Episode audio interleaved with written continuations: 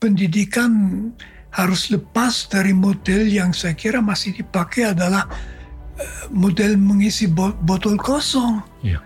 Kita perlu eh, keyakinan-keyakinan etis yang tidak boleh ditawar-tawar yang harus dituntut masuk.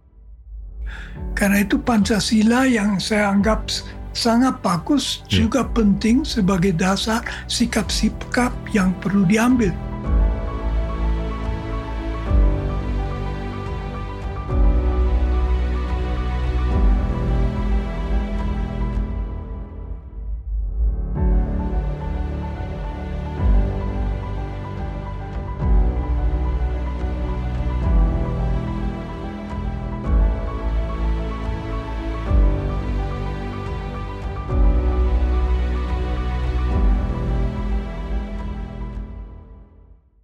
Halo teman-teman, hari ini kita kedatangan Franz Magnus Suseno atau Romo Magnus, seorang filsuf yang terkait dengan sekolah filsafat Dria Karya.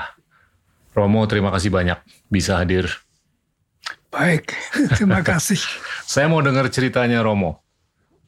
Uh, Romo usianya udah 86 tahun, tiba di Indonesia sebelum saya lahir, tahun 61. Betul Gimana bisa nyangkut ke Indonesia? Itu sebetulnya mudah dijelaskan. Saya termasuk Ordo Yesuit. Itu salah satu tarikat Katolik bekerja di seluruh dunia. Siap. Dan um, saya masuk Ordo itu di Jerman. Nah, Yesuit Jerman itu uh, diminta untuk mengirim uh, misionaris ke Indonesia menggantikan eh, Yesuit Belanda yang karena alasan politik tidak bisa mendapat visa. Lalu sudah ada beberapa Yesuit muda yang ke Indonesia, ke Jawa, menulis penuh semangat. Saya sebetulnya tidak begitu berpikir itu, tapi dengan demikian sudah jelas kalau saya mau pergi, eh, saya akan ke Indonesia. Satu kemungkinan lain mungkin juga Jepang. Siap. Tetapi saya memang ada suatu alasan khusus. Eh, tahun saya masuk Ori Yesuit tahun 55 sesudah lulus abitur ujian akhir SMA Jerman. Tahun 57 sampai 60 saya ikut seperti semua Yesuit studi filsafat. Di Pulau dekat München. Di samping studi itu, saya ikut satu kelompok kami. Yang namanya Ost Akademi, Akademi Timur, yang mempelajari komunisme. Jadi ada profesor yang memimpin itu, dan sebagian dari kami Yesuit muda, mungkin 20 orang tertarik Mengapa kami belajar komunisme? Hmm. Karena kami punya prinsip harus tahu bagaimana lawan berpikir. Musuh kami ada komunisme. Kami anggap komunisme sebagai ancaman terbesar ya. bagi gereja Katolik dan sebetulnya juga bagi dunia. Siap. Nah harus tahu. Nah saya lalu mempelajari Marx. Saya eh, tulis tesis tentang Marx, belajar Marxisme, Leninisme, belajar juga bahasa Rusia, sekarang udah lupa, tahun 60 atau 95 saya pikir di Jerman sudah ada beberapa Romo Yesuit yang betul-betul diakui sebagai ahli yeah. Marxisme tidak perlu tambah lagi.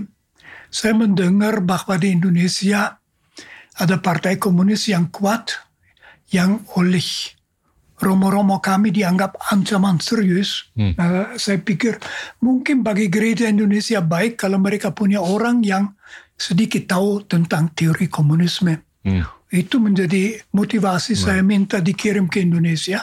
Hmm. Permintaan itu dikabulkanlah saya ke Indonesia dan tidak pernah menyesalkan hal ini. Saya happy. Luar biasa. Hmm. Terus waktu tiba di Indonesia, Gimana proses penyesuaiannya? Eh, saya, eh, kami bertujuh orang, dua orang Swiss, hmm. lima orang Jerman. Kami ke Girisonto itu dekat Ungaran di Jawa Tengah. Siap. Eh, di mana ada sedikit sekolah bahasa dengan Romo Belanda, Romo Bakar. Kami belajar bahasa Jawa dulu. Karena ada kebijakan Yesuit-Yesuit Indonesia belajar dulu bahasa Jawa. Kalau udah tahu bahasa Indonesia nggak akan malas belajar bahasa Jawa. Menarik. Sedangkan kalau tahu bahasa Jawa terpaksa harus belajar bahasa Indonesia. Saya merasa beruntung sekali tadi saya belajar satu setengah tahun. Pertama bahasa Jawa mungkin 14 bulan, sisanya bahasa Indonesia di situ. Itulah saya masuk, lalu saya dua tahun ke Jakarta ke Kolese Canisius Siap. menjaga asrama anak-anak di situ main bola dan sebagainya. Kemudian studi filsafat di studi teologi di Yogyakarta empat tahun. Itu lalu saya jadi imam. Saya ditahbiskan imam tahun 67 wow.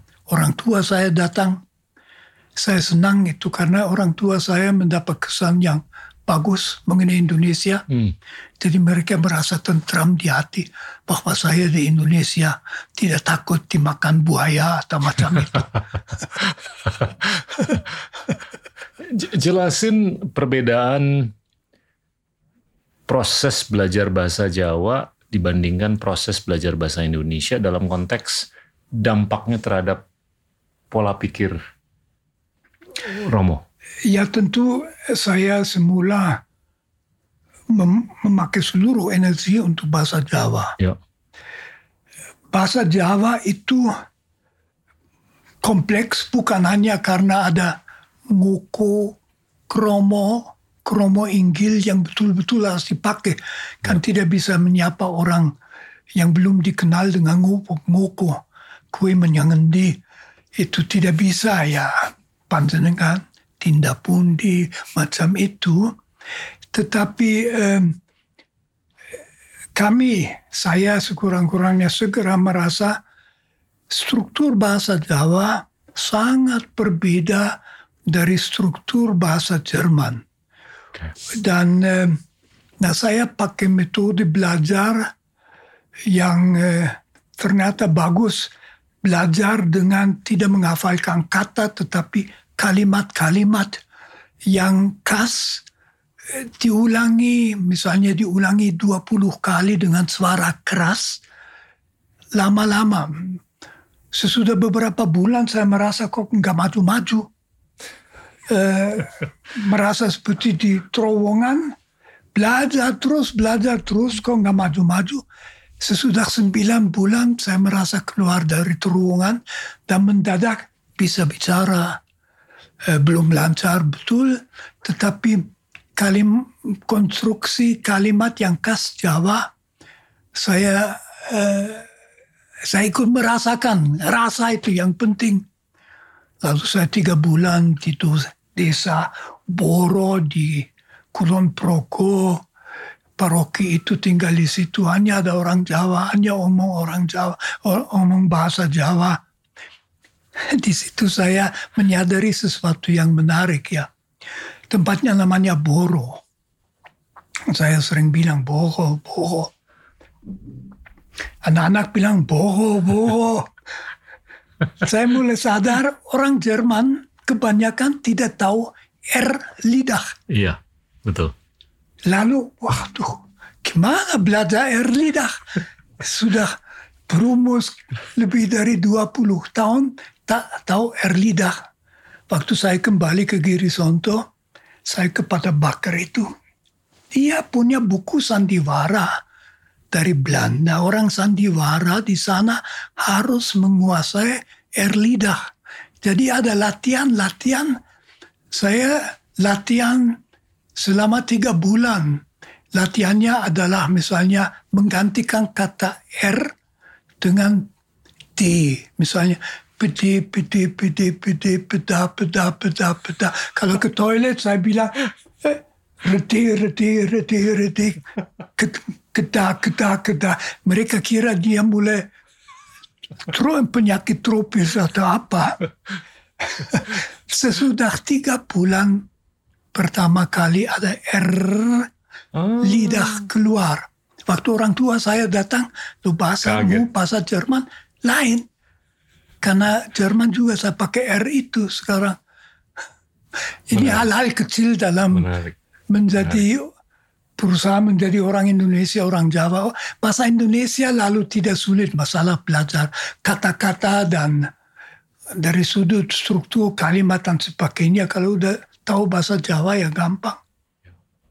Perbedaan Romo ini kan sangat piawai mengenai filsafat. Filsafat Jawa itu intinya bedanya gimana sih dengan filsafat-filsafat lainnya?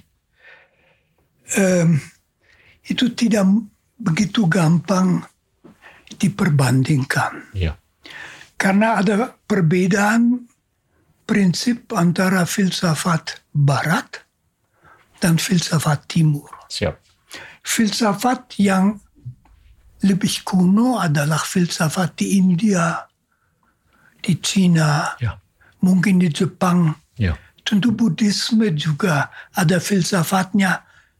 Filsafat Jawa, jadi pemikiran Jawa yang bisa kita baca dalam serat-serat itu segala macam eh, kisah mengenai eh, Werkuturo dan sebagainya itu filsafat mendalam. Nah, filsafat Barat mulai dengan filsafat Yunani dan di situ terjadi sesuatu yang khas. Katakan saja mulai dengan filosof sebelum Plato, mereka itu mengembangkan filsafat sebagai kritik terhadap pemikiran tradisional, agama Yunani tradisional yang dangkal, mengembangkan bahasa khusus sehingga filsafat menjadi ilmu bagi insider. Hmm. Tak mungkin orang berdebat Orang dengan umum. Plato Hmm. kalau tidak tahu itu. Sedangkan filsafat timur itu terbuka bagi Iya. semua. Itu bisa dimiliki oleh rakyat. Iya. Dalam arti ini Jawa seperti tradisional India eh, tidak punya ilmu filsafat yang hanya dimengerti orang yang sudah tahu bahasa Elit, ya. dan sebagainya. Eh, dalam arti ini eh, sulit diperbandingkan. Tapi kalau kita membaca misalnya buku filsafat Jawa yang terkenal banyak eh, di sini yang mengaguminya, ya di situ ada pandangan dunia yang sangat menarik. Jadi saya kemudian juga eh, dalam kisah Dewa Ruci yang tadi saya sebut, tapi juga dalam tulisan seperti Viritidaya Jawa, Jati atau eh, serat-serat lain. Eh, Di situ ada suatu perasaan mendalam tentang realitas. Jadi Ya. filsafat Jawa, filsafat Eropa kemudian masih dipengaruhi oleh munculnya agama Wahyu. Hmm. Agama Wahyu adalah agama yang mulai dengan Abraham, lalu agama Yahudi, agama Kristiani, agama Islam. Filsafat semula mau menjawab pertanyaan mengenai arti dan makna kehidupan. Hmm. Nah, begitu wahyu datang, Allah bicara, filsafat out. Dan filsafat mengembangkan yang menurut saya sekarang menjadi hakikatnya mengembangkan diri sebagai ilmu kritis. Hmm. Artinya yang Betul. mengkritik pemikiran yang tidak benar. Iya. Dan eh, tentu filsafat tidak pertama-tama menawarkan kebenaran-kebenaran, Iya. tetapi membongkar kebenaran yang muncul dengan klaim kebenaran dan Iya. tidak benar. Itu dalam agama juga penting. Iya. Dalam teologi juga penting. Filosof Daniel Yui mau omong itu, Iya. maksudmu apa itu? Iya. Proses untuk menginvestigasi kebenaran Ya, yang sudah pre-existing. Nah ini kalau menurut saya akhir-akhir ini proses melakukan pemikiran kritis ini agak-agak berkurang kan di seluruh dunia. Itu sulit saya tanggapi tentu itu ada kaitan dengan medsos. Okay. Barangkali kalau tidak dalam medsos, saya kira masih ada cukup banyak pemikiran kritis. Yeah. Ambil saja orang seperti Karl Popper, yeah. Rawls dan uh, sebagainya. Jadi filsafat sendiri menurut saya masih cukup kritis dan mengkritik ideologi-ideologi. Yeah. Yang sulit dikritik adalah hal yang di Twitter-Twitter itu. Yeah. Jadi yang hanya dilemparkan begitu saja, yeah. di mana orang sebetulnya sendiri tidak mau mengatakan itu benar, tetapi itu pandangan saya yeah. dan saya mau dihargai. Nah kalau itu tidak menyangkut pandangan saya, tidak menyangkut orang lain, ya silahkan saja. Tapi kalau pandangan saya tentang orang lain, tentang hidup bersama, dengan tidak kritis, itu berbahaya betul. Iya. Dan filsafat masih tetap diperlukan itu. Betul, betul. Saya mau balik ke medsos, tapi saya mau coba cari tahu lebih banyak mengenai pandangannya Romo mengenai evolusi Marxisme dalam beberapa dekade terakhir ini. Romo kan sangat memahami akar ilmu Marxisme ini, tapi udah udah berubah bentuknya, kelihatannya. Saya sebetulnya tidak melihat bahwa di abad ini, ya. abad ke-21 Marxisme sangat mempengaruhi, tetapi di abad ke-20 Marxisme amat menarik. Ya. Marx sendiri seorang pemikir yang sebetulnya memberi dorongan ke segala macam arah. Siap. Sedikit dipersempit dengan fokus pada kapitalisme, lalu Engels mengatakan itu Marxisme, Marxisme menjadi dogmatis. Eh, pada tahun 1900 sudah dirasakan banyak yang ya. tidak cocok. Ya. Lalu muncul Lenin. Lenin menemukan satu kelemahan dalam teori revolusi Marx.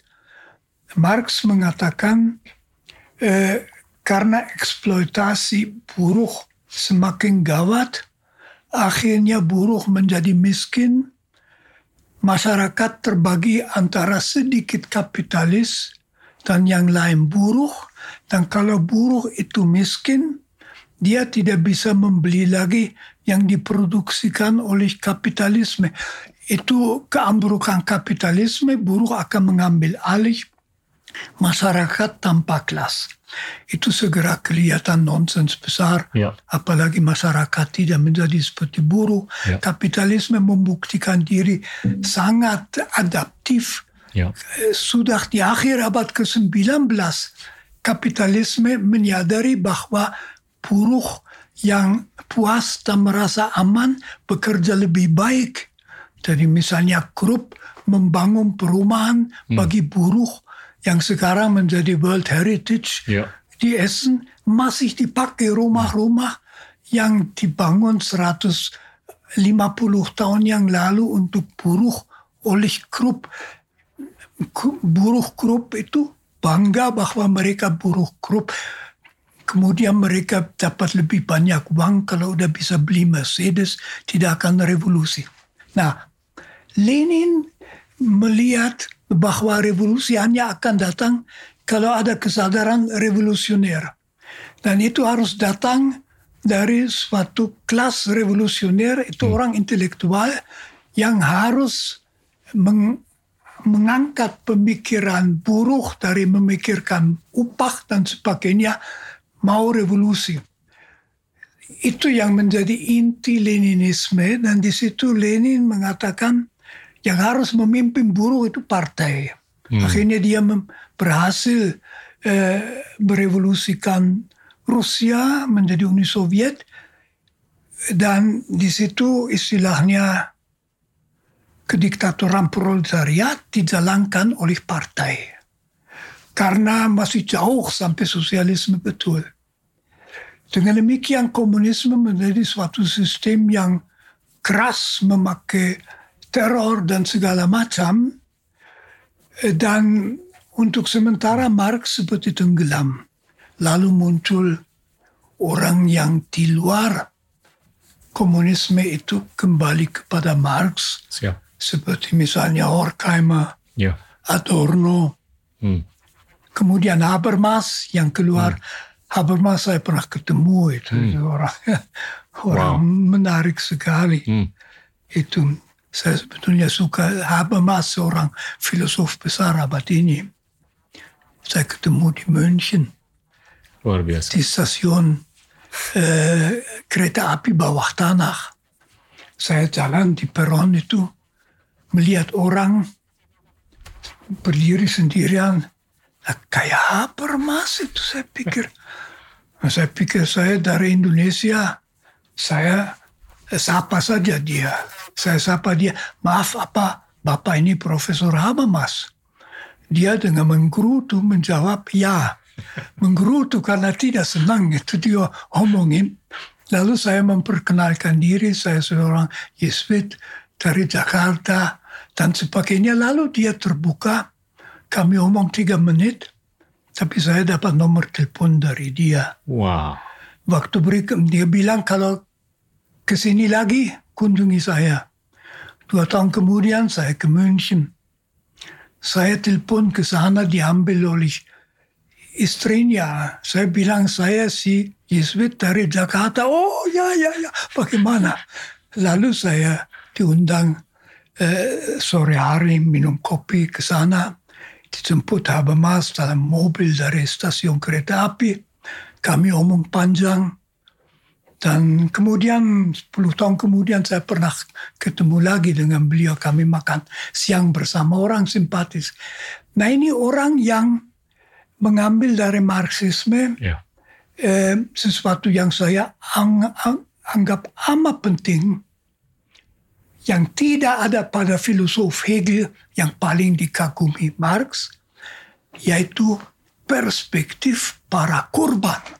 Hmm. Jadi Marx mengangkat Ya. membawa kepada kesadaran kita bahwa sejarah bukan hanya segala macam hal, tetapi ada pemenang, ada yang kalah, ada yang korban dan sejarah ditulis tidak pernah dari sudut Perspektif para korban. korban. Hmm, Itu yang oleh teori kritis lalu diangkat dan sebagainya.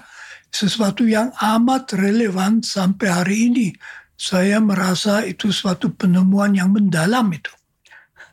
Dan dan ini kan kejadiannya nyata. Apa yang kita lihat di Bagaimana? Kejadiannya atau kurbannya korban ini nyata kan. Ya, Seperti itu- yang kita saksikan di Uni Soviet, Tentu saja di di mana saja. Tiongkok di awal-awal waktu dan di beberapa tempat lainnya. Ya, Tapi saya mau coba kontras ini dengan filosofi atau ideologi demokrasi. Bagaimana Tiongkok itu bisa melakukan penyempurnaan terhadap ideologi Marxisme dan Leninisme. Di kalangan banyak sekali negara yang sudah mengadopsi ideologi demokrasi. Tapi sekarang apa masih ada itu? Semenjak dua minggu yang lalu. Soalnya Tiongkok itu itu kan negara yang di abad ke-20 berhasil keluar dari situasi terhina ya, sebagai objek ya, penjajahan ya, yang setengah-setengah berhasil. ya. Lalu Mao Zedong termasuk beberapa pendiri Partai Komunis Tiong Tionghoa yang di Tiongkok setahun sesudah em, eh, didirikan Partai Komunis Indonesia oleh orang yang sama, yang sekarang lagi saya lupa namanya, dia lalu ke sana mendirikan. Nah, sesudah empat tahun Mao Zedong berhasil mengambil alih pimpinan dan dia mulai dengan Cinaisasi eh, Marxisme-Leninisme. Ya. Terutama sebetulnya dia melihat bahwa fokusnya di situ bukan pada proletariat, Ya. melainkan pada petani Hmm. dan sebagainya. Nah, eh, Mao Zedong kemudian seorang ideolog dan juga eh, diktator yang keras dan ada korban banyak.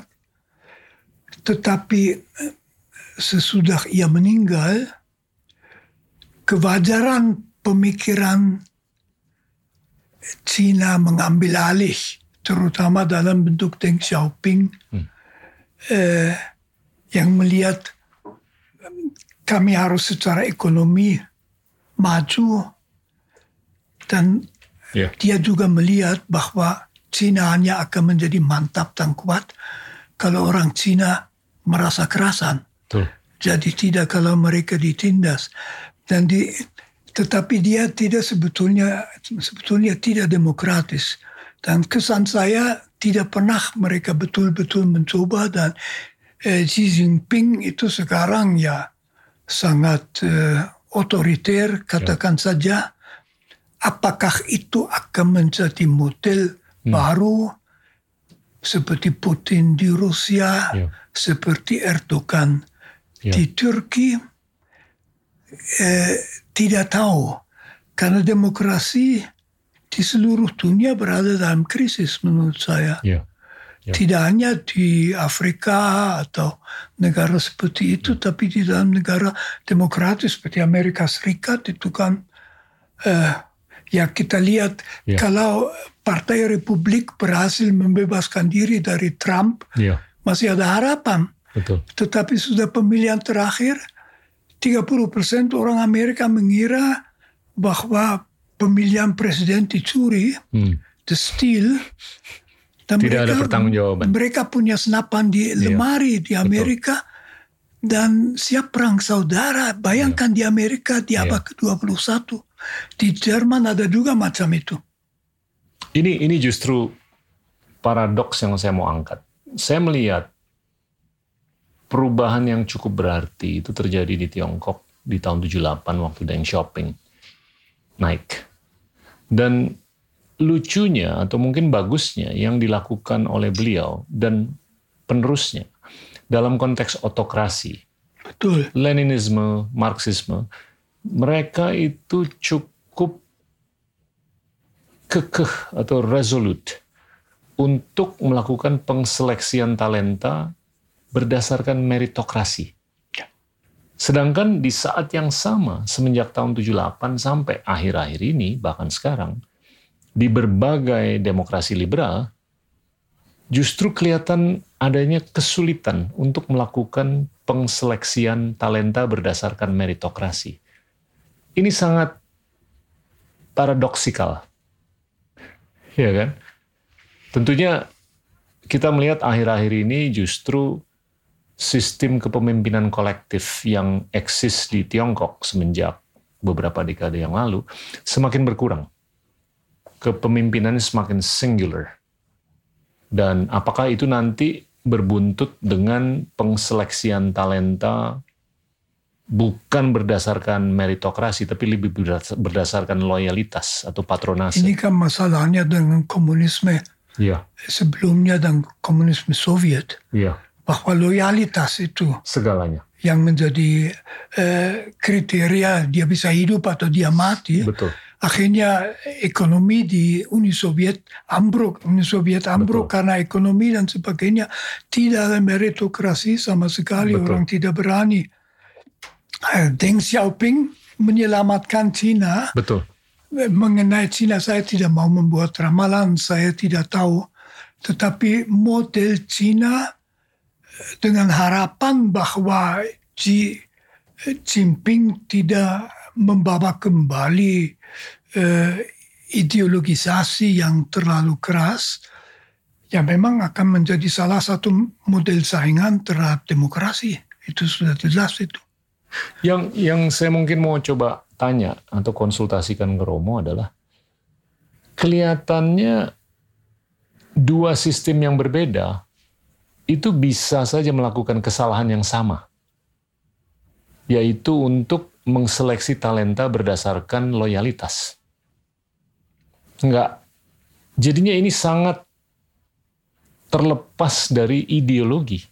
Hanya Lebih. dalam demokrasi kalau berjalan ada batas ke arah itu karena eh, kalau pemerintah tidak berfungsi ya bisa diganti dalam ada balance. secara demokratis. Jadi yeah. dia harus ada prestasi. Yeah. Prestasi itu juga terasa mulai dengan harga bensin dan hal seperti itu. Ada hal-hal yang konkret Betul. dirasakan oleh masyarakat.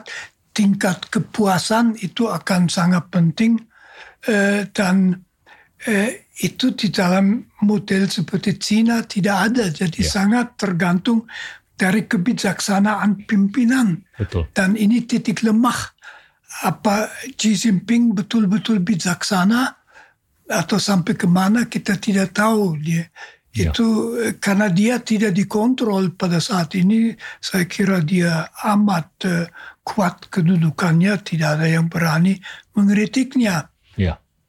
kita harapkan saja bahwa kebijakan kebijaksanaannya adalah Amin. bagus Amin. kalau tidak bisa macam-macam malah betul. petaka betul Oke, saya mau lanjutkan dengan pendalaman mengenai demokrasi. Pemahaman saya itu mengenai demokrasi adalah bagaimana sistem itu bisa mendistribusi kekuatan ke setiap orang dalam konteks masyarakat luas. Tapi kalau menurut saya ini akan lebih kaya lagi kalau penyebaran dalam konteks demokrasi itu dilakukan ke setiap orang untuk bukan hanya kekuatan, tapi integritas, intelek, uang, modal apa pun, agar proses checks and balance-nya itu lebih mulia. Tapi yang saya lihat sekarang secara struktural, banyak sekali demokrasi liberal. Itu tidak melakukan checks and balance. Secepat atau seefisien atau seefektif seperti apa yang kita inginkan terkait dengan kelemahan-kelemahan yang kita saksikan selama ini. Apakah itu observasi yang benar dan kalau iya bagaimana menyikapinya atau mengobatinya? Tentu ada benarnya itu. Saya sendiri berpendapat bahwa cara menangani ini adalah lewat kritik. Siap. Jadi apa yang oleh Habermas disebut uh, ruang publik. Ya. Ruang publik itu yang mengitari kelas politik. Kelas politik itu yang para politisi, baik legislatif maupun pemerintah.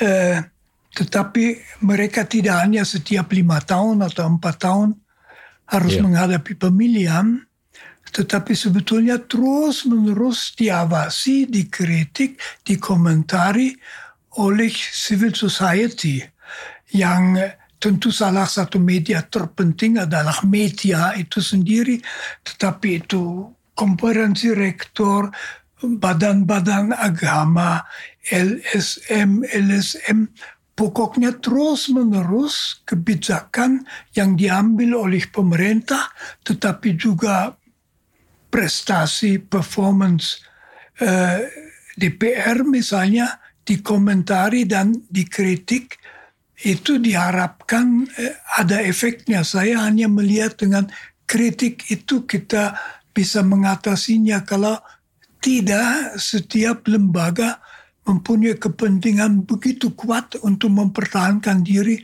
bahkan tanpa iktika buruk pribadi sehingga sulit ditembus mesti ada kritik ya. yang memaksa untuk didengar diperhatikan.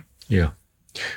Saya melihat ini mungkin oversimplifikasi, tapi kalau dalam konteks sosialisme atau otokrasi itu yang menjadi resiko yang nyata untuk masyarakat luas adalah tidak adanya kepemimpinan kolektif. Ya kan? Kalau kepemimpinan itu terlalu absolut di atas dan hanya menghargai loyalitas tanpa menghargai apa pun yang lain. Tapi saya lihat juga ada discount dalam konteks demokrasi, di mana banyak sekali demokrasi bahkan di negara-negara maju tidak bisa melakukan pengobatan terhadap kelemahan-kelemahan yang mana ya simptomnya itu bisa kelihatan dari bagaimana mereka tidak bisa memastikan integritas intelek modal itu disebarluaskan. Sehingga proses checks and balance-nya, checks and balances-nya itu nggak terlalu optimal.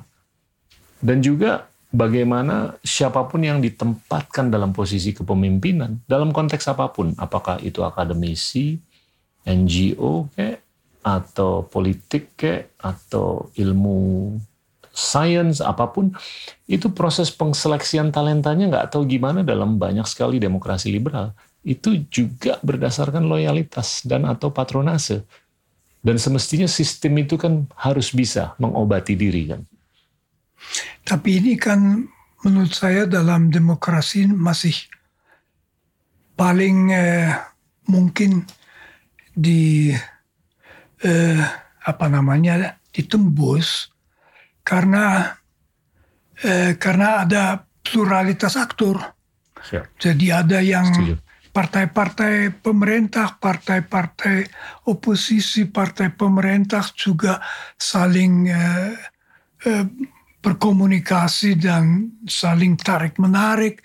Ada kritik dalam masyarakat, eh, kepuasan atau ketidakpuasan masyarakat bisa dan jadi diukur dengan demikian bisa dilihat bahwa tidak menjadi terlalu buruk kalau masyarakat pada dasarnya lebih merasa positif dari negatif ya keadaan ya. lebih positif dari negatif. Ya. Jadi eh, menurut saya kalau demokrasi jalan dan masih ada demokrasi-demokrasi seperti itu dengan segala kelemahan eh, masih memberi chance paling besar bahwa tidak merosot Eh, katakan saja dalam eh, grup semacam oligarki para eh, eh, mereka yang punya kesempatan yeah. dan tidak mengizinkan mereka yang cakep.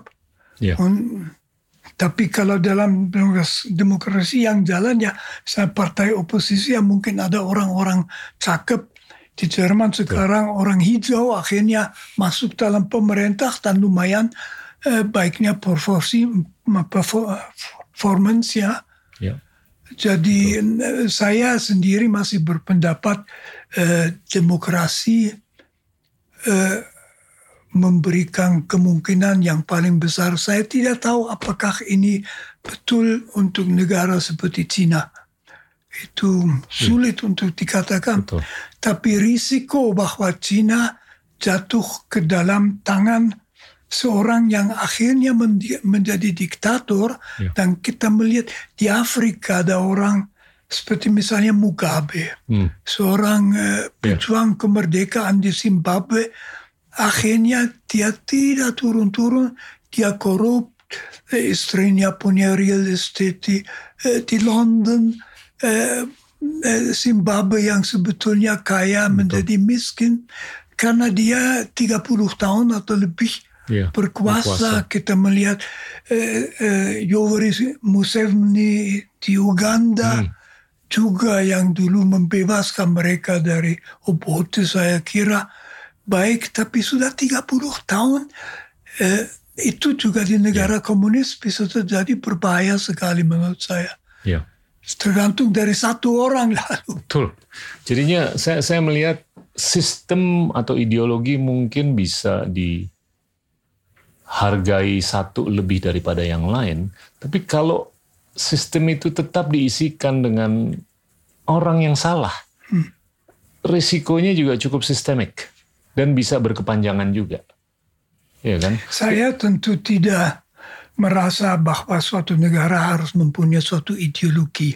Siap. Dalam arti eh, suatu ajaran rinci bagaimana macam-macam hal harus dijalankan itu harus harus dilakukan dengan perasaan.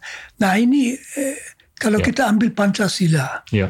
Pancasila itu sila kelima adalah keadilan. Eh, keadilan sosial bagi seluruh rakyat Indonesia. Menurut saya itu suatu sila yang ideal. Ya.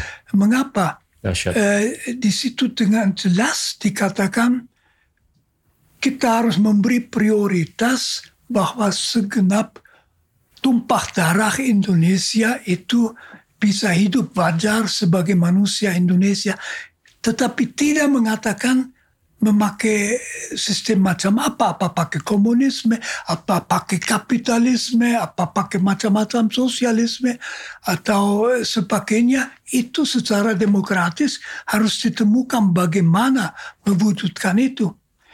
Eh, yeah. Indonesia misalnya menurut saya sebetulnya paling terancam eh, oleh perpecahan vertikal. Hmm. Berarti mungkin 20-30 persen di atas maju terus. Eh, 50 persen pas-pasan sejahtera 10 persen dari mereka masih miskin. Kalau yang 50 persen di bawah mendapat kesan Indonesia itu milik mereka, apa pun bisa terjadi. Ideologi Pancasila juga tidak akan dihargai. Nah, eh, sila yang kelima itu mengatakan coba perpolitikan perpolitikan Indonesia harus memberi prioritas bahwa orang yang tertinggal, orang yang miskin Tuh. merasakan happy bahwa dia di Indonesia dan bisa hidup sebagai manusia. Nah, itu tidak itu saya sebut bukan ideologi melainkan nilai atau kriteria etis itu berbeda. Ideologi itu Sepakat. mudah menjadi sarana kekuasaan elit yang tahu ideologi itu. Eh, ya. Apa arti keadilan sosial juga harus kita bicarakan bersama dan itu baik itu. Berdasarkan itu Romo, saya mau tanya, apakah negara seperti Singapura itu bisa dianggap sebagai demokrasi yang anggaplah lebih baik daripada demokrasi liberal lainnya yang tidak bisa membuktikan kapasitas atau kemampuan untuk menjaga keadilan dan kerukunan multi ras, multi agama, multi etnis. Ini pertanyaan. Saya bukan mau memberikan pandangan. Ini Tapi saya tentu mau... pertanyaan yang tidak bisa saya jawab karena saya tidak pernah hidup di Singapura, saya juga tidak memperhatikan. Tapi menurut saya Singapura itu kasus khusus, di mana yang mereka tangani kasus itu secara menguntungkan. Orang iya. Tionghoa iya. dalam situasi amat terjepit, Malaysia, Indonesia, kecil harus membuktikan diri. Uh, mereka secara optimal menciptakan suatu kehidupan bersama, tidak boleh terlalu liberal, yeah. uh, tetapi semua harus merasa uh, sejahtera bahkan puas. Itu dalam situasi negara kecil seperti itu mungkin dan saya kagumi Singapura yeah. itu, tapi apakah bisa di tiru dalam negara yang lebih besar, misalnya Malaysia, apalagi Indonesia, saya kira eh, model itu tidak akan jalan itu. Ke, ke mungkin mungkin pertanyaan saya ini bermuara di kalau saya ditanya 10 atau 20 tahun yang lalu, naluri saya atau naluri siapa pun lah kalau ditanya mengenai Singapura, bisa dianggap mereka itu diktator. Di dictatorship. Ya, ya. Iya kan? Ya. Karena sistem pemimpinannya, kepemimpinannya yang mengharuskan siapa pun untuk nurut dan mengikuti apa pun yang datang dari atas. Iya kan? Tapi akhir-akhir ini saya agak-agak beda pandang bahwasanya mereka bisa memastikan apakah dia keturunan India, Tiongkok, Melayu, Eurasian, apa pun mereka diberikan kesempatan untuk mendapatkan akses yang terbaik untuk pendidikan yang terbaik, kesejahteraan yang terbaik, apa pun. Ya. Dan itu termanifestasi dalam keharmonisan multi etnis, multi religi, dan multi ras. Dan kalau menurut saya sistemnya ini jalan untuk memastikan tadilah seperti yang termanifestasi di sila kelima keadilan Semuanya tuh punya akses yang sama. Tinggal bagaimana setiap orang itu bisa memberdayakan kesempatan atau peluang yang diberikan. Tapi banyak negara yang mengaku dirinya sebagai demokrasi liberal, tapi kalau kita lihat di lapangan, peluangnya tidak diberikan ke setiap manusia. Untuk apakah ya kan dia... demokrasi bisa eh, tidak ada dua demokrasi yang sama. Paham. Dan demokrasi Singapura itu saya kira masih bisa disebut demokrasi karena eh, sistem itu didukung oleh masyarakat itu sudah jelas. Siap. Ada juga masih beberapa mekanisme demokratis. Saya sebetulnya bisa membandingkannya sedikit dengan eh, dengan eh, China, China Siap. Beijing, eh, yang di situ kita melihat ada hal-hal yang sebetulnya mau bekerja dengan hal yang sama, tetapi apakah satu orang bisa menjalankannya? Eh, di Singapura Ya. itu bukan hanya satu orang pemimpinnya itu mungkin elit yang ada di atas. Ya. Eh, Di Cina ada masalah Uighur, itu ada masalah seperti itu yang tidak teratasi belum tetapi ada kemiripan dan memang kita akan melihat apakah ini mungkin lebih kuat di sekian banyak negara daripada satu demokrasi. Ya. Saya tidak tahu India misalnya. Saya saya pernah tinggal di India tiga tahun. Ya, Dan kalau menurut saya mereka terlalu demokratis. Ya kan? Dan diversitas di India tuh jauh lebih kompleks daripada apa yang Ya, kita miliki di ya. Indonesia. Dan itu tentunya ya kalau kita ke utara dibanding ke tengah, dibanding ke selatan itu bukan hanya bahasa yang beda tapi pola pikirnya itu sangat berbeda. Dan skalanya juga 1,4 miliar. Tapi saya mau tanya ke Romo. Kalau kita lihat 200 tahun terakhir, itu kualitas pemimpin itu banyak yang luar biasa kan. Tapi akhir-akhir ini kualitas pemimpin itu kayak beda dengan kualitas pemimpin di mancanegara yang kita saksikan dalam 100-200 tahun terakhir. apa ya? Ya, kalau kita baca buku sejarah di abad ke-20. Misalnya di Jerman saya tidak tahu apa ini betul. Di Prancis apa itu betul ya saya juga tidak tahu. Di abad ke-20 ada mungkin John F. Kennedy. Ada mungkin Mahatma Gandhi. Ya, Ya ya, kan? ya. Terus Ya oke. Ini tentu juga orang yang muncul perlawanan apakah dengan, itu keberuntungan? dengan, dengan pen- pen- penjajahan itu.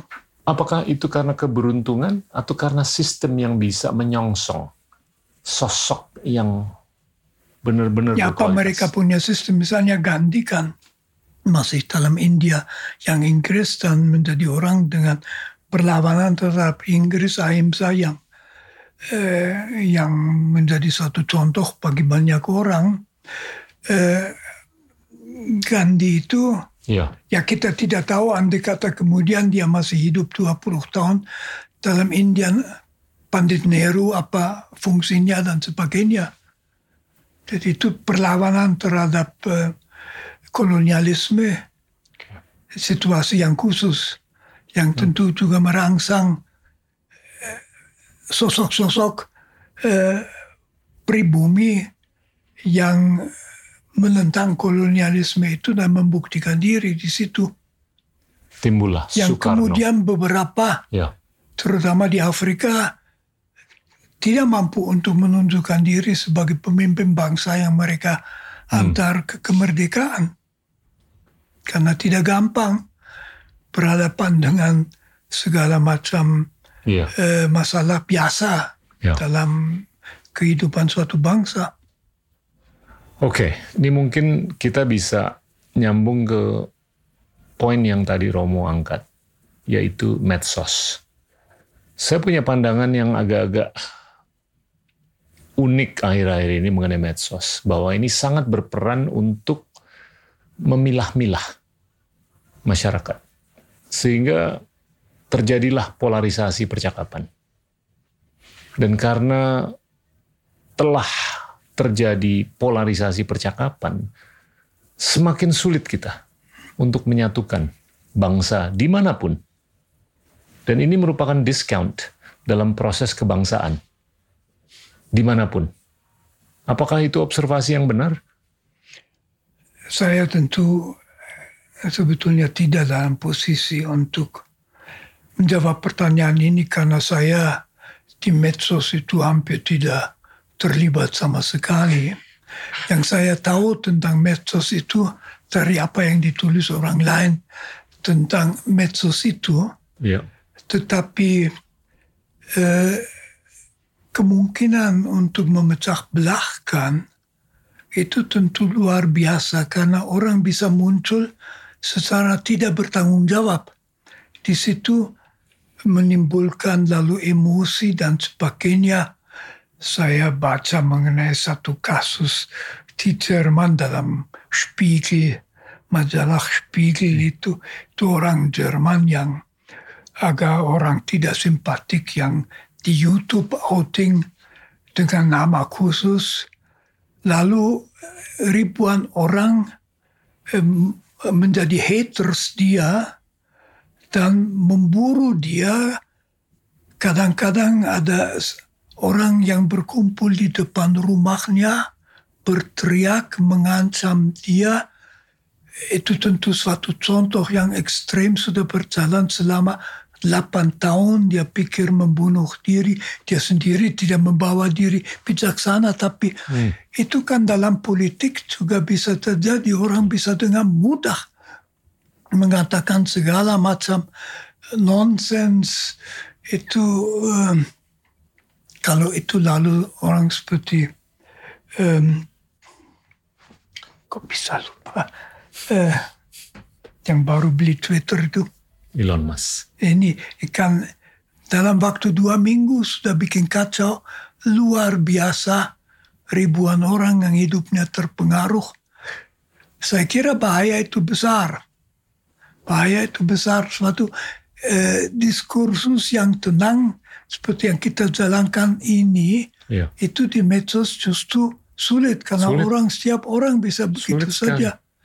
Saya saya beberapa kali menyampaikan bahwa di platform medsos algoritme yang diberdayakan itu justru mengamplifikasi narasi-narasi yang kental dengan pertikaian, kental dengan kemarahan, kental ya. dengan kebencian.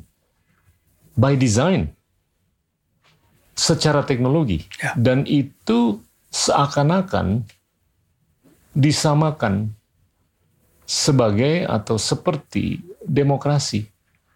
Padahal kita menyaksikan bahwasanya narasi-narasi yang sangat bijaksana itu sangat tidak teramplifikasi oleh algoritma ya, yang ada ya, di ya. platform teknologi ini.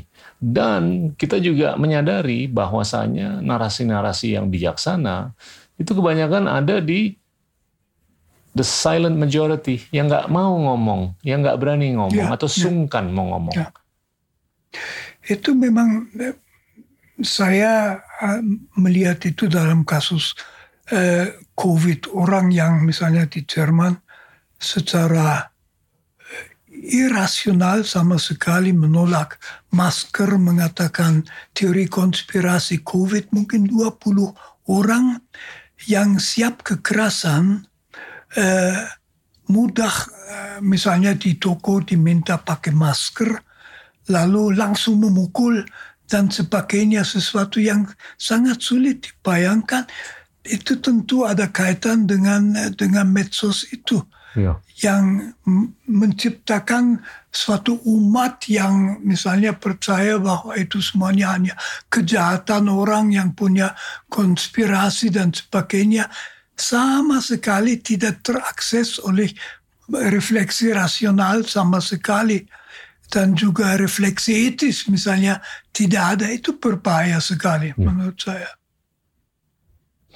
Saya mau saya mau tanya Romo, ini kita sebagai penganut demokrasi atau demokrasi liberal, ke depannya nih yang terbaik gimana sih untuk supaya proses demokratisasi ini jauh lebih robust ke depan?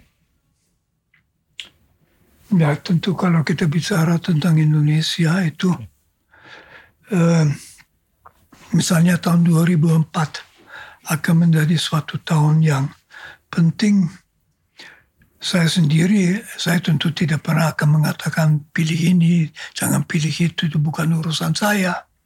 Tapi yang saya katakan sudah beberapa kali terhadap orang muda, kepada orang muda, kalian coba tagih dari mereka apa yang akan mereka mau mereka buat bagi Indonesia. Mau membuat apa dalam hal keadilan sosial, mau membuat apa dalam hal toleransi beragama, dan sebagainya dan sebagainya tuntut dari calon presiden, dari calon eh, eh, wakil rakyat di DPR, kamu itu menawarkan apa? Yang sangat mencolok sekarang sudah banyak dibicarakan calon presiden, calon wapres. Sepatah kata pun saya dengar, tidak dengar dari mereka apa pun. Mereka mau membawa Indonesia ke arah mana, memecahkan masalah Indonesia yang bagaimana. Itu yang gawat. Itu kalau yeah. harusnya itu dituntut oleh masyarakat saya bilang itu sama orang muda yang mendengar coba jangan hanya ikut saja waktu ini, ini, ini. Tapi tanya dia tawarkan apa. Tapi gini loh Romo. Demokrasi itu adalah the distribution of power to the hands of many. Tapi selama tidak terjadi distribusi integritas, intelek, informasi terhadap setiap orang yang terlibat dalam proses nyoblos, ya dalam batas intuisi akan niscaya terjadi ketimpangan dalam proses demokrasi kan. Jadinya kita pengen melakukan atau menyaksikan apa yang Romo inginkan untuk mereka menagih tapi kalau mereka tidak diisikan dengan integritas intelek, informasi, hmm. ide, semestinya sulit untuk mereka berpikir seperti mungkin Romo atau seperti saya atau yang lain. Itu betul. Di lain pihak, eh, ini ada kesan saya. Kalau saya melihat di Indonesia, kalau saya, saya melihat pemilihan-pemilihan yang bebas. Yang ya. pertama tahun 55. Kemudian mulai 99 kesan saya bahwa cara orang Indonesia memilih sebetulnya cukup meyakinkan. Ya saya tidak tahu apakah uh, memang mereka pilih yang benar. Saya memang memilih satu partai, yang lain-lain pilih partai lain. Tapi yang saya observasikan Pertama, tidak ada orang yang mati. Di Filipina, setiap wow. pemilihan umum ada 100 orang mati. Yeah. Yang saya observasikan di tempat pemilihan, kalau kemudian dihitung suara, semua dengan gembira, tertawa, tidak ada masalah bahwa satu partai hanya dapat sedikit. Jadi kematangan para pemilih orang biasa itu sebetulnya agak mengesan saya itu saya pakai kadang-kadang karena ada yang masih juga mengatakan eh, model satu one man one vote one person one vote itu individualisme dan liberalisme saya selalu menantang itu belum tentu bahwa orang kita tidak lebih baik tahu itu daripada sebuah elit yang merasa menentukan hal Betul. itu. Jadi saya punya kesan bahwa dalam semua pemilihan termasuk yang misalnya sangat um, apa namanya polarized tahun 19 eh, orang tetap memilih dengan agak rileks tidak terjadi kekerasan. Padahal ada yang suara itu partai alas partai setan hal seperti itu saya anggap kejahatan orang mengatakan seperti itu saya anggap jahat ya. Eh, tetapi rakyat eh, masyarakat kita ikut memilih dengan tenang dan menerima hasilnya. Ya. Dan bagi saya itu memberi semangat. Jadi saya agak, agak optimistik di situ. Oke, bagus. Bagus. Nah, sekarang saya mau tanya. Tadi waktu kita ngobrol santai sama Romo, Romo menyampaikan ada beberapa tantangan. Dan ini penting untuk proses edukasi anak-anak muda ke depan kan.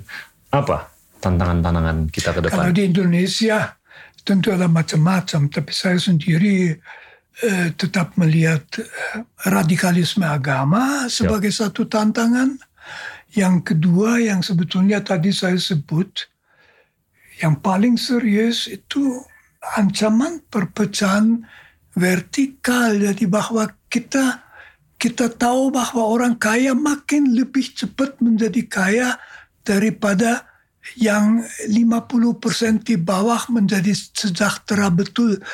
Kalau itu menjadi split yang semakin jadi, itu akan berbahaya. Uh, ya. Uh, tentu yang ketiga, tapi saya mau sedikit membicarakan mengenai yang yang kedua itu. Ya. Saya sering, saya kan dari tempat saya sekolah tinggi Federal Triakara di Cempaka Putih, jalan ke komunitas Yesuit saya di Johar Baru. Lebih dari satu kilometer saya lewat di kampung, sering ada rumah yang dibangun. Nah kalau saya lewat jam setengah enam, eh, mereka udah berke, berhenti bekerja, buruh-buruh eh, duduk di depan. Mereka tinggal di tempat itu sendiri di dalam macam eh, kayu-kayuan yang menurut saya cocok untuk ayam, tetapi tidak cocok untuk manusia. Tapi mereka gembira, mereka lucu, dan kesan saya mereka puas karena akhir minggu bisa kirim uang keluarga di Indramayu dan sebagainya. Orang Indonesia itu bukan orang yang mengiri. Yeah. Mereka tidak iri hati bahwa yang lain punya AC apalagi yeah. tinggal di dalam rumah yang bagus. Tetapi kalau kemudian kubuk mereka dirobohkan, mereka dibersihkan dan sebagainya, mereka akan menjadi marah. Hmm. Jadi kami sudah membiarkan kalian Berarti sekurang-kurangnya kami harus dibantu supaya bisa hidup sebagai manusia. Kalau kita berhasil dalam hal ini, kita punya masa depan yang baik. Eh, tetapi kalau itu tidak diperhatikan, jadi kalau eh, perbedaan antara yang di atas dan di bawah semakin menjadi, yeah. lalu eh, eh, radikalisme agama juga akan yeah. eh, berhasil dan segala macam itu. Yeah. Jadi itu sangat penting bahwa perpolitikan kita berfokus pada lima persen, puluh persen mereka yang masih pas-pasan itu. Ya. Yang ketiga, sederhana saya khawatir ancaman pembusukan demokrasi kita menjadi oligarki korup itu belum terjadi, tapi ancamannya ada kalau eh, untuk menjadi anggota DPR katanya perlu 5 miliar sekurang-kurangnya. Mungkin sekarang sudah lebih. Berarti hanya seorang usahawan atau yang punya sponsor usahawan bisa menjadi ke DPR. Menurut saya usahawan boleh saja menjadi wakil rakyat. Kalau seluruh DPR terdiri dari dari usahawan, ya dengan sendirinya siapa yang memperhatikan orang kecil? Kita di Indonesia mempunyai satu cacat besar menurut saya tidak ada kiri politik. Yeah. Itu tentu akibat dari eh, dari peristiwa 65 66 yang eh, membuat orang takut setengah mati terhadap kiri. Tapi demokrasi tanpa kiri sebetulnya tidak ada. Kalau kita tanya, eh, misalnya partai mana yang secara alami eh, mewakili kepentingan petani kecil, buruh kecil, nelayan kecil, orang eh, jualan di kaki lima, penghuni hutan dan sebagainya, tidak ada. Itu yang betul-betul berbahaya. Presiden Jokowi yang sangat saya hormati dan saya sukai didukung oleh 80% DPR. Jangan-jangan itu karena eh, KPK sudah dikebiri sehingga orang DPR merasa aman itu dan sebagai terima kasih lalu mendukung pemerintah. Ya. ya barangkali tidak demikian tapi itu yang saya khawatirkan. Jadi demokrasi kita belum terlalu mantap ya. dalam kekuatannya. Tadi bilang ada lima, ini baru tiga tantangannya. Bagaimana? Tantangannya tadi sempat bilang ada lima. Eh, itu secara global. Okay. Global saya melihat lima tantangan. Yang satu itu juga ancaman terhadap demokrasi. Bagi saya demokrasi sebetulnya masih satu impian yeah. hidup bersama dengan saling menghormati solidaritas eh, hukum hak asasi manusia. Tapi demokrasi di mana-mana dalam bahaya. Yeah. Tidak hanya di Afrika, tidak hanya di oh. Timur Tengah, tetapi juga Bahkan ya di negara maju pun di Amerika Serikat, ya. di Eropa ya. itu di mana-mana. Ya. Itu yang pertama. Yang kedua, eh, saya khawatir bahwa dengan perekonomian yang eh, neoliberal kapitalistik, hmm. dunia akan pecah ke dalam negara yang tetap menarik secara ekonomis, Semoga Indonesia termasuk di situ. Dan failed states. Failed states, they will be left to rot. Yeah. Berarti eh, ratusan juta orang, mungkin satu miliar, akhirnya dalam eh, hmm. bahaya kelaparan dan sebagainya. Saya pernah mendengar orang mungkin hanya melucu tidak lucu juga bahwa di Afrika sudah 100 juta orang sudah ngepak ranselnya mau pindah ke Eropa untuk hmm. bisa hidup. Gawat itu. Yeah.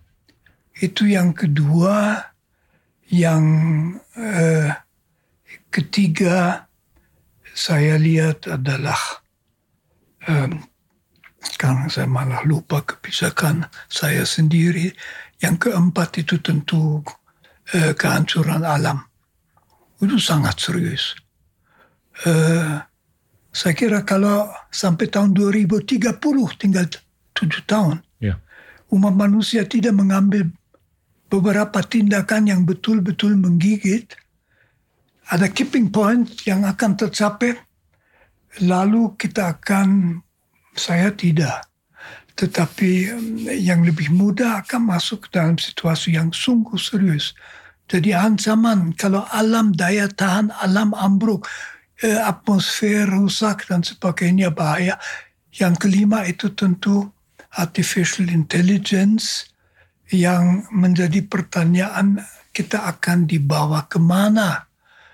Eh, saya pernah baca buku Eh, Romanovsky itu mengenai eh, death algorithm.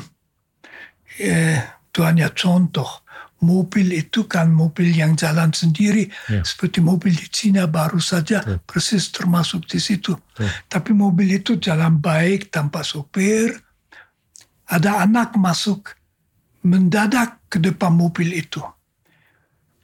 Dia sudah harus di Eh, algoritma berbuat apa? Ada tiga kemungkinan. Pertama dia lindas anak itu, anak itu mati.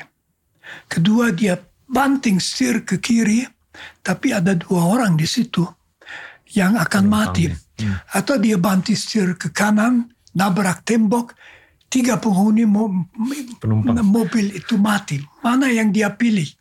Bisa dibikin lebih complicated. Face recognition sudah masuk dalam algoritme. Jadi eh, mekanisme mobil juga tahu apakah dua orang di sebelah kiri orang yang penting atau tidak. Jadi kalau tidak penting ya mungkin tabrak dia. Main-main saja ya, tetapi eh, amat sangat besar tantangan yang kita dihadap. Dia notabene tidak bisa memecahkan eh, masalah algoritma itu. Itu tidak begitu gampang. Siapa yang akan mengisi hal-hal bagaimana membangun ekonomi, memberi izin membangun rumah, memberi izin studi dan sebagainya. Itu gawat sekali ya. Kita sempat berdiskusi mengenai topik yang sama dengan Yuval Harari, ahli antropologi, sejarah, dan segalanya. Pandangan beliau tuh nggak beda dengan pandangan Romo. Nah ini saya juga ada sesuatu yang eh, termasuk hal-hal yang mengkhawatirkan saya. Dalam bukunya 21 Lessons for the 21st Century, dia menulis bahwa tahun 2050 kurang lebih yeah. 50% umat manusia akan menjadi irrelevant. Useless species. Useless. Jadi apa mereka hidup atau mati senang atau tidak, lapar atau bisa makan, ya. siapa yang peduli? Indonesia itu akan 140 juta orang di tahun 2050 kalau dia betul irrelevant manusia dianggap irrelevant saja sangat relevan dan mengkhawatirkan itu.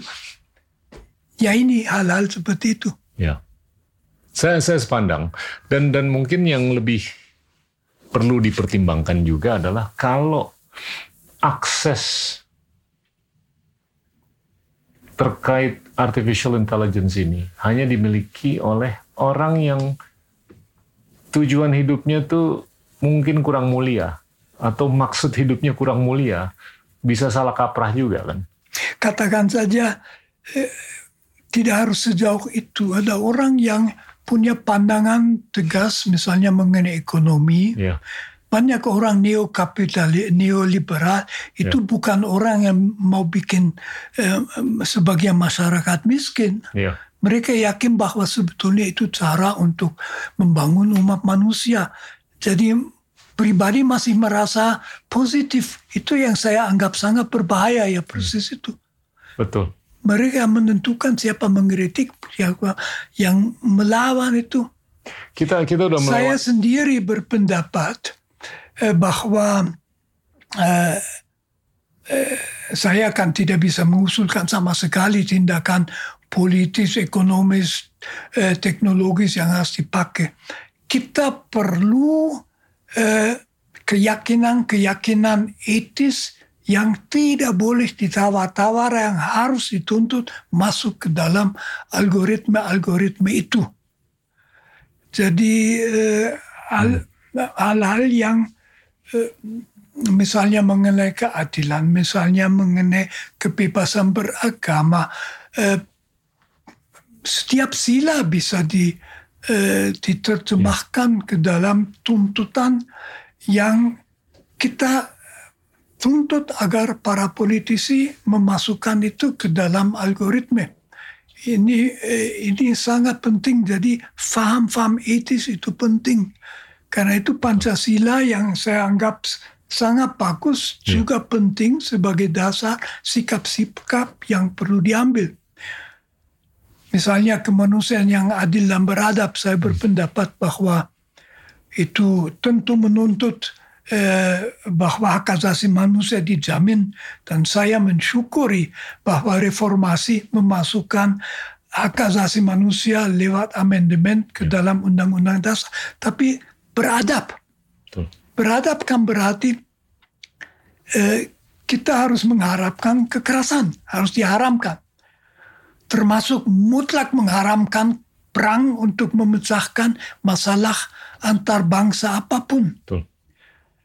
Beradab tidak hanya terhadap manusia, oh, iya. tetapi juga terhadap alam. Iya.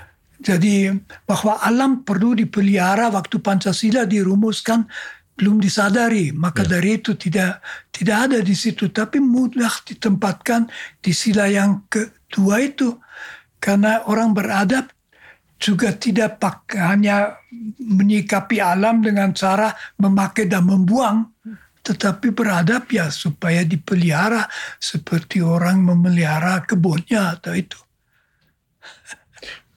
Ada harapan nggak sih, Romo? Ya, saya selalu optimis masih bisa. Nggak, ini ini menjurus ke biasanya bagian akhir kita. Yang mana saya tanya ke tamu mengenai 2045. Ya. Gambarannya itu kayak gimana menurut Romo?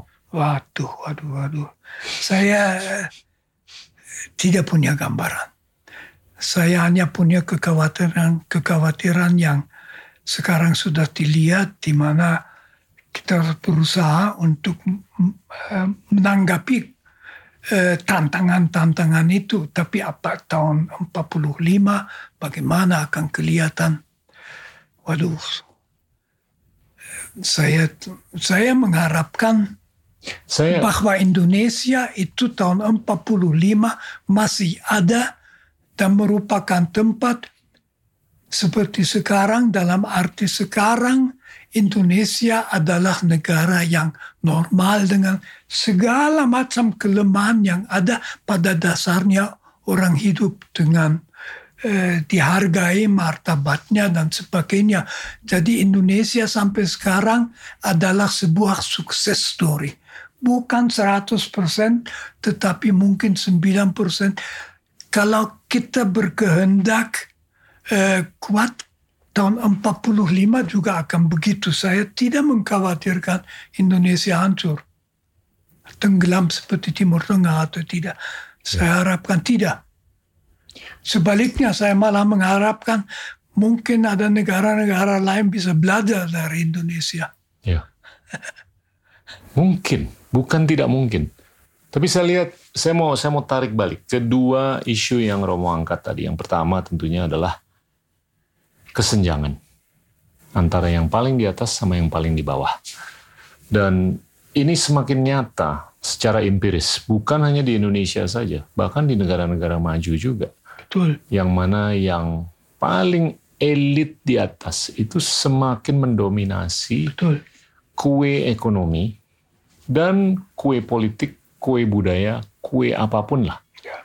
Bahkan kesannya justru justru bukan hanya mereka mendominasi, mereka mengkooptasi sistem yang ada. Ini yang tadi mungkin Romo maksud dalam konteks oligarki dan lain-lain kan.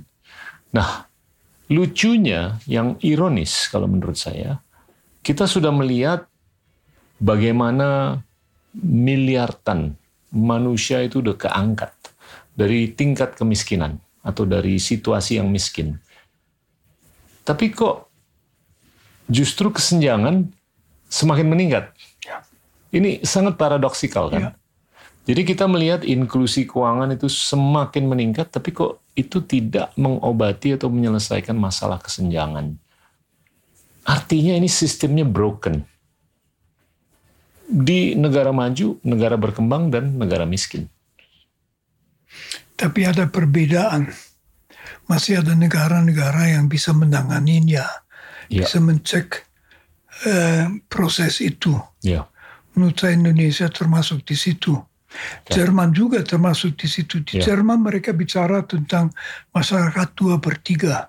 Ya. Dua per tiga itu maju, sepertiga itu mereka yang sudah tidak diproses kerja, atau tua, atau difabel, atau sebagainya, yang pada akhir bulan sudah eh, sulit membayar cukup untuk makanan mereka itu. Oke, tapi ini masih bisa ditangani. Yang saya anggap gawat kalau negara sama sekali tidak memperhatikan. Dalam hal ini bagi saya Cina juga mengagumkan karena dalam waktu tidak terlalu lama mengangkat 300 juta orang. Oh 700 juta? 700 juta dari kemiskinan. Ini dekade. suatu prestasi nyata yang luar biasa. Luar biasa. Dan yang tentu punya juga eh, eh, menjadi contoh bagi yang lain-lain. Jadi saya kira suatu negara yang teratur justru Tuh. seperti Indonesia sebetulnya mempunyai kans untuk uh, mencegah terjadinya malapetaka ya. seperti yang mungkin itu. Saya mau coba bungkus dalam konteks ekonomi, Romo. Kalau kita lihat dalam 30 tahun terakhir ini Asia Tenggara, termasuk Indonesia, itu pertumbuhan pendapatan per orangnya tiga kali lipat dalam 30 tahun. sampai tahun 2019. Tiongkok dalam periode yang sama, pendapatan per orangnya tumbuh 9 sampai 10 kali lipat. Tiga kali lipat dari Asia Tenggara. Ya.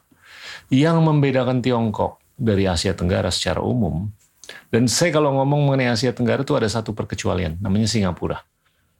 Tapi secara umum, Asia Tenggara itu kalah dengan Tiongkok karena tiga atau empat atribut. Pertama, investasi di infrastruktur yang dilakukan secara masif oleh Tiongkok dalam 30 tahun terakhir. Jauh lebih besar daripada Asia Tenggara.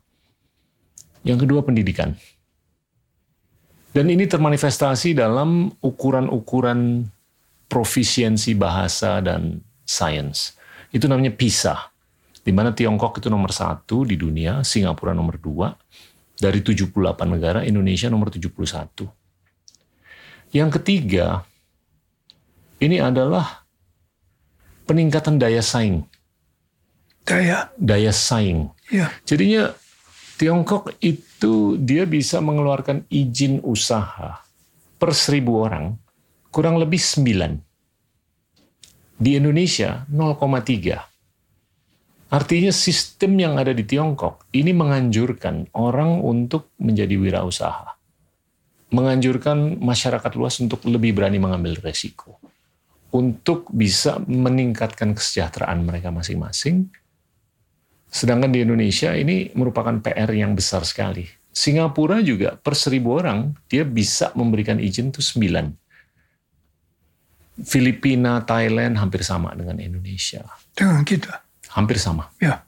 0,3 sampai 1 izin per seribu orang.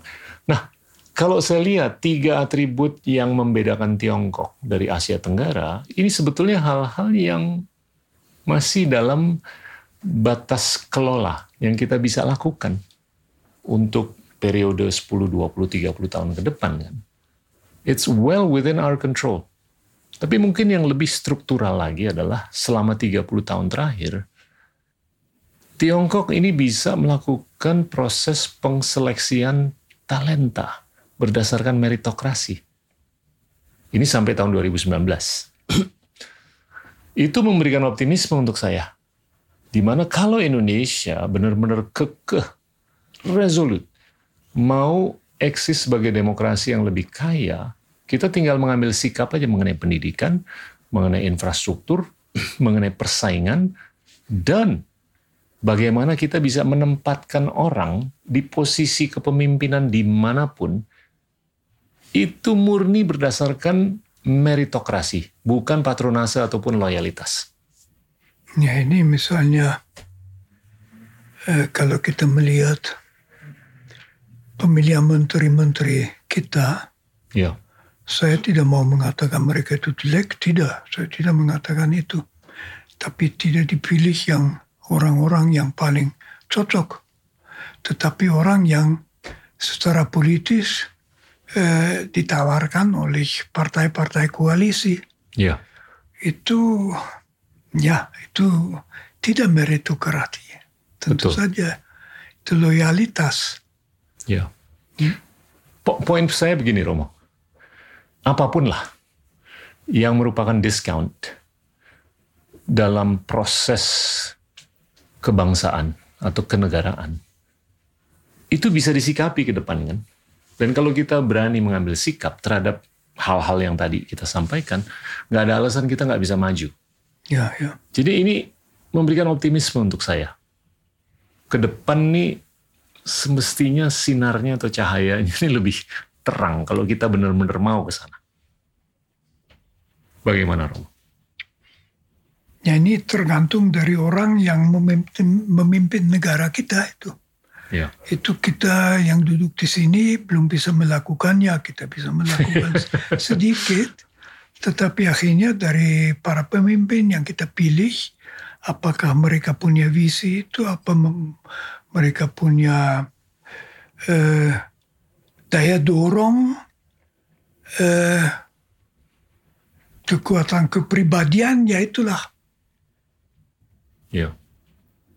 Karena itu kita harus menuntut dari para calon pemimpin kita bahwa mereka merumuskan apa yang mau mereka lakukan. Itu memang belum memastikan akan dilakukan, tapi sekurang-kurangnya kita bisa tahu apa mereka punya sedikit visi atau apa itu. Kalau sama sekali tidak punya visi itu gawat ya. sekali. Nanti kalau saya jadi pemimpin, saya diberitahu oleh sekretaris apa yang harus saya lakukan, yang nggak bisa itu. Betul. Hanya kita juga menurut saya tidak bisa boleh terlalu melihat uh, contoh Cina karena lalu akan merasa minder. Jadi kita harus Betul. bertolak dari yang berjalan pada kita infrastruktur sekarang sudah bangun banyak perlu di, eh, jadi dibangun tapi tentu juga ada masalah di mana kita tanam bank pendidikan kita bagaimana itu? Betul. bagaimana bisa diperbaiki? Saya kira amat sangat penting itu. Ya, ya. kalau menurut Romo tuh gimana untuk kita bisa mendidik generasi muda ke depan agar lebih baik saya kan sebagai filosof sebuah profesi yang oleh banyak orang dianggap tidak perlu, tapi saya selalu oh, mengatakan sangat perlu. esensial. Saya malah merasa bahwa di Indonesia kan filsafat amat diremehkan. Iya. Dari universitas besar yang punya itu hanya UI dan uh, Gajah Mada. Iya. Di Eropa setiap universitas tentu ada fakultas filsafat. Iya eh, filsafat tidak bisa menggerakkan sesuatu apa, tetapi dia menjadi garam atau yeah. cabai untuk eh, merangsang pemikiran. Yeah. Jadi kita juga dalam arti ini memerlukan lebih banyak filosof, mungkin juga ilmuwan lain yang tahu mengenai filsafat. Dari kami punya mahasiswa di Pasca Sarjana, kebanyakan tentu tidak akan menjadi filosof tetapi mereka sesuatu yang lain dengan visi yang kritis dari filsafat saya kira suatu sumbangan yang cukup lumayan yang itu untuk eh, kita misalnya dalam pendidikan harus lepas dari model yang saya kira masih dipakai adalah eh, model mengisi botol kosong. Yeah. Jadi siswa di Arab saya ingat pernah seorang ibu yang hmm. lama di Amerika saya mengeluh pada saya waktu dia memasukkan anaknya di sini mungkin di SD kelas 5 eh, anaknya pulang pada hari pertama menangis. Menangis kenapa ya? Saya tanya sesuatu sama guru. Guru mengatakan kamu baru datang kok udah tanya-tanya? Padahal harus dididik untuk bertanya, untuk mempertanyakan, Tuh. untuk terbuka, untuk Tuh. untuk neugierig, curious, untuk uh, yeah. kritis juga itu masih sangat kurang dalam pendidikan. Yeah. Uh, pendidikan yang hanya terdiri dalam mendengar dan membaca teks yang sudah disediakan tidak mungkin membuat orang menjadi kritis jadi itu mem, itu masih merupakan suatu kekurangan barangkali. Ya. Saya saya tuh ingin sekali melihat anak-anak muda kita ke depan tuh sangat lebih berpendidikan. Ya. Dan saya tuh selalu mengingatkan ke teman-teman saya bahwa peran seorang guru itu penting sekali. Penting saya lebih memprioritaskan kualitas guru daripada kualitas kurikulum. Ya. Bukan berarti kurikulum tidak perlu diperbaiki, tapi kalau gurunya itu tidak berkualitas, itu dampaknya sangat struktural dan sangat jangka panjang dan menentukan apakah dia bakal jadi atau enggak. Dan saya tuh sampai sekarang tuh nggak lupa kata-kata atau pesan yang disampaikan guru saya waktu saya kelas 3 SD. Waktu saya kelas 2 SMP. Waktu saya kelas 2 SMA. Itu nggak lupa saya. Karena kalau menurut saya itu guru yang sangat berkualitas. Dan itu sangat nyambung dengan kualitas pendidikan dan tentunya juga di rumah tangga. Iya kan? Ada juga satu hal yang saya tidak tahu di sini dalam eh, dalam eh, bahasa Indonesia itu diajarkan apa pada anak-anak SMP, SMA itu. Saya ingat dulu pelajaran bahasa Jerman yang saya dapat di gimnasium itu. Enam tahun terakhir, kami tidak lagi bicara gramatika dan hal seperti itu, tetapi bersama membaca sastra. Baik sastra klasik, Goethe, maupun sastra kontemporer dari abad ke-20. Eh, saya ingat itu amat bagus dengan Indonesia punya sastra yang mutu, yang sastra tinggi tulis orang membaca sastra dia terbuka segi-segi kemanusiaan tahu apa itu cinta benci jujur salah berjuang menyerah takut berani. Itu dalam kalau itu dibaca itu suatu pendidikan yang mengembangkan eh, hati orang. Eh, saya tidak tahu apa hal seperti itu diberikan eh, menjadi lebih luas wawasannya daripada hanya belajar aturan bahasa dan sebagainya. Setuju. Wow. Oke, okay. saya mau tanya, pertanyaan yang cukup philosophical. What makes you happy?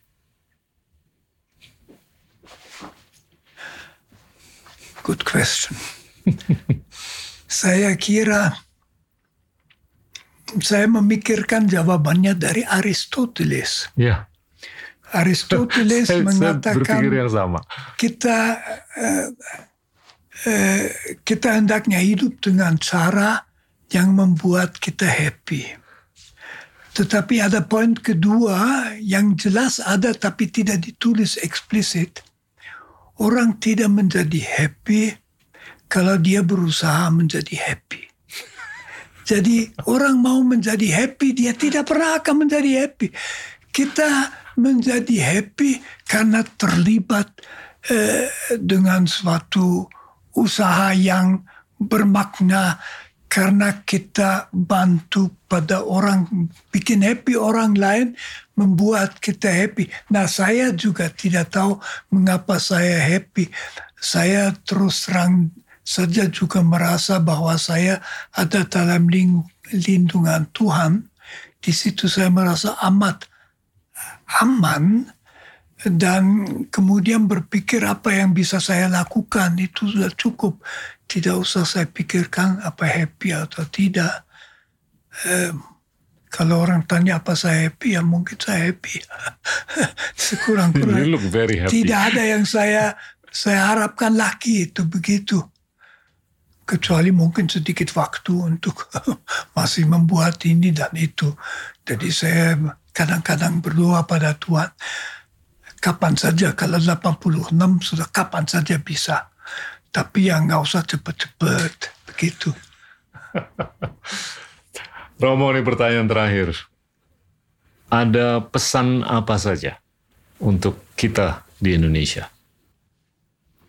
Ya pesan saya adalah uh, jangan jangan menyerah.